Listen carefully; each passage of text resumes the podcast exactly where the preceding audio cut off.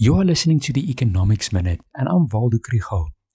President Ramaphosa will present the Cabinet's Economic Recovery Plan to Parliament tomorrow afternoon. The plan was recently approved by NEDLAC and has been leaked in the media. Expectations are high, and parts of it have been criticized from all sides. I want to quickly focus on two questions. Why is the plan important, and what should you listen out for to know whether it's a good plan? The plan, or any plan, is important because of the impact of the COVID 19 pandemic and lockdown on the economy and specifically on public finances. We cannot just go on and hope for the best because the government is heading for a debt crisis. There are two parts to the problem. The first is the fast growth of the budget deficit and government debt. The second is the slow growth of the economy. Minister Mboweni will explain the plan for the public finances in the mini budget, but the President's plan tomorrow is important for economic growth. If we can get fiscal discipline and economic growth, it could possibly ward off the debt crisis.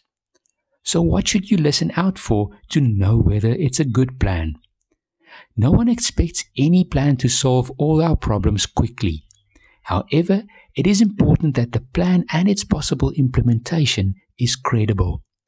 Consumers and investors do not expect a miracle or any new steps. They do expect steps in the right direction. The plan will convince people if it has focus. It cannot just be a wish list of initiatives and projects. The plan would convince people if it has enough details. For example, infrastructure development is a good idea, but we want to know how we're going to pay for it. The plan will convince people if it pulls in a single direction.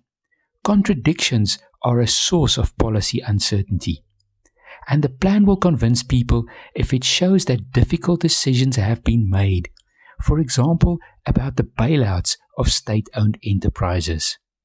A lot depends on this plan.